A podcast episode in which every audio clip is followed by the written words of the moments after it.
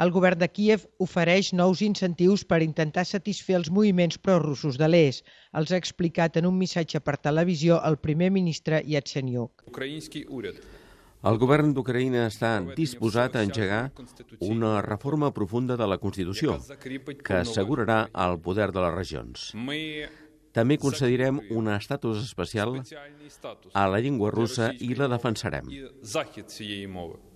L'eliminació de l'estatus de la llengua russa va indignar les regions de l'est i del sud del país quan les noves autoritats van arribar al govern, però és improbable que els activistes que ocupen els edificis oficials se sentin satisfets amb les ofertes.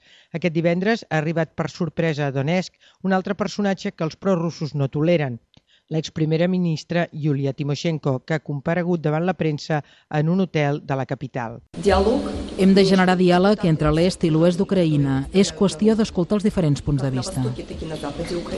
Timoshenko també ha parlat de la creació d'un moviment de defensa dels drets dels que defensen la unitat del país.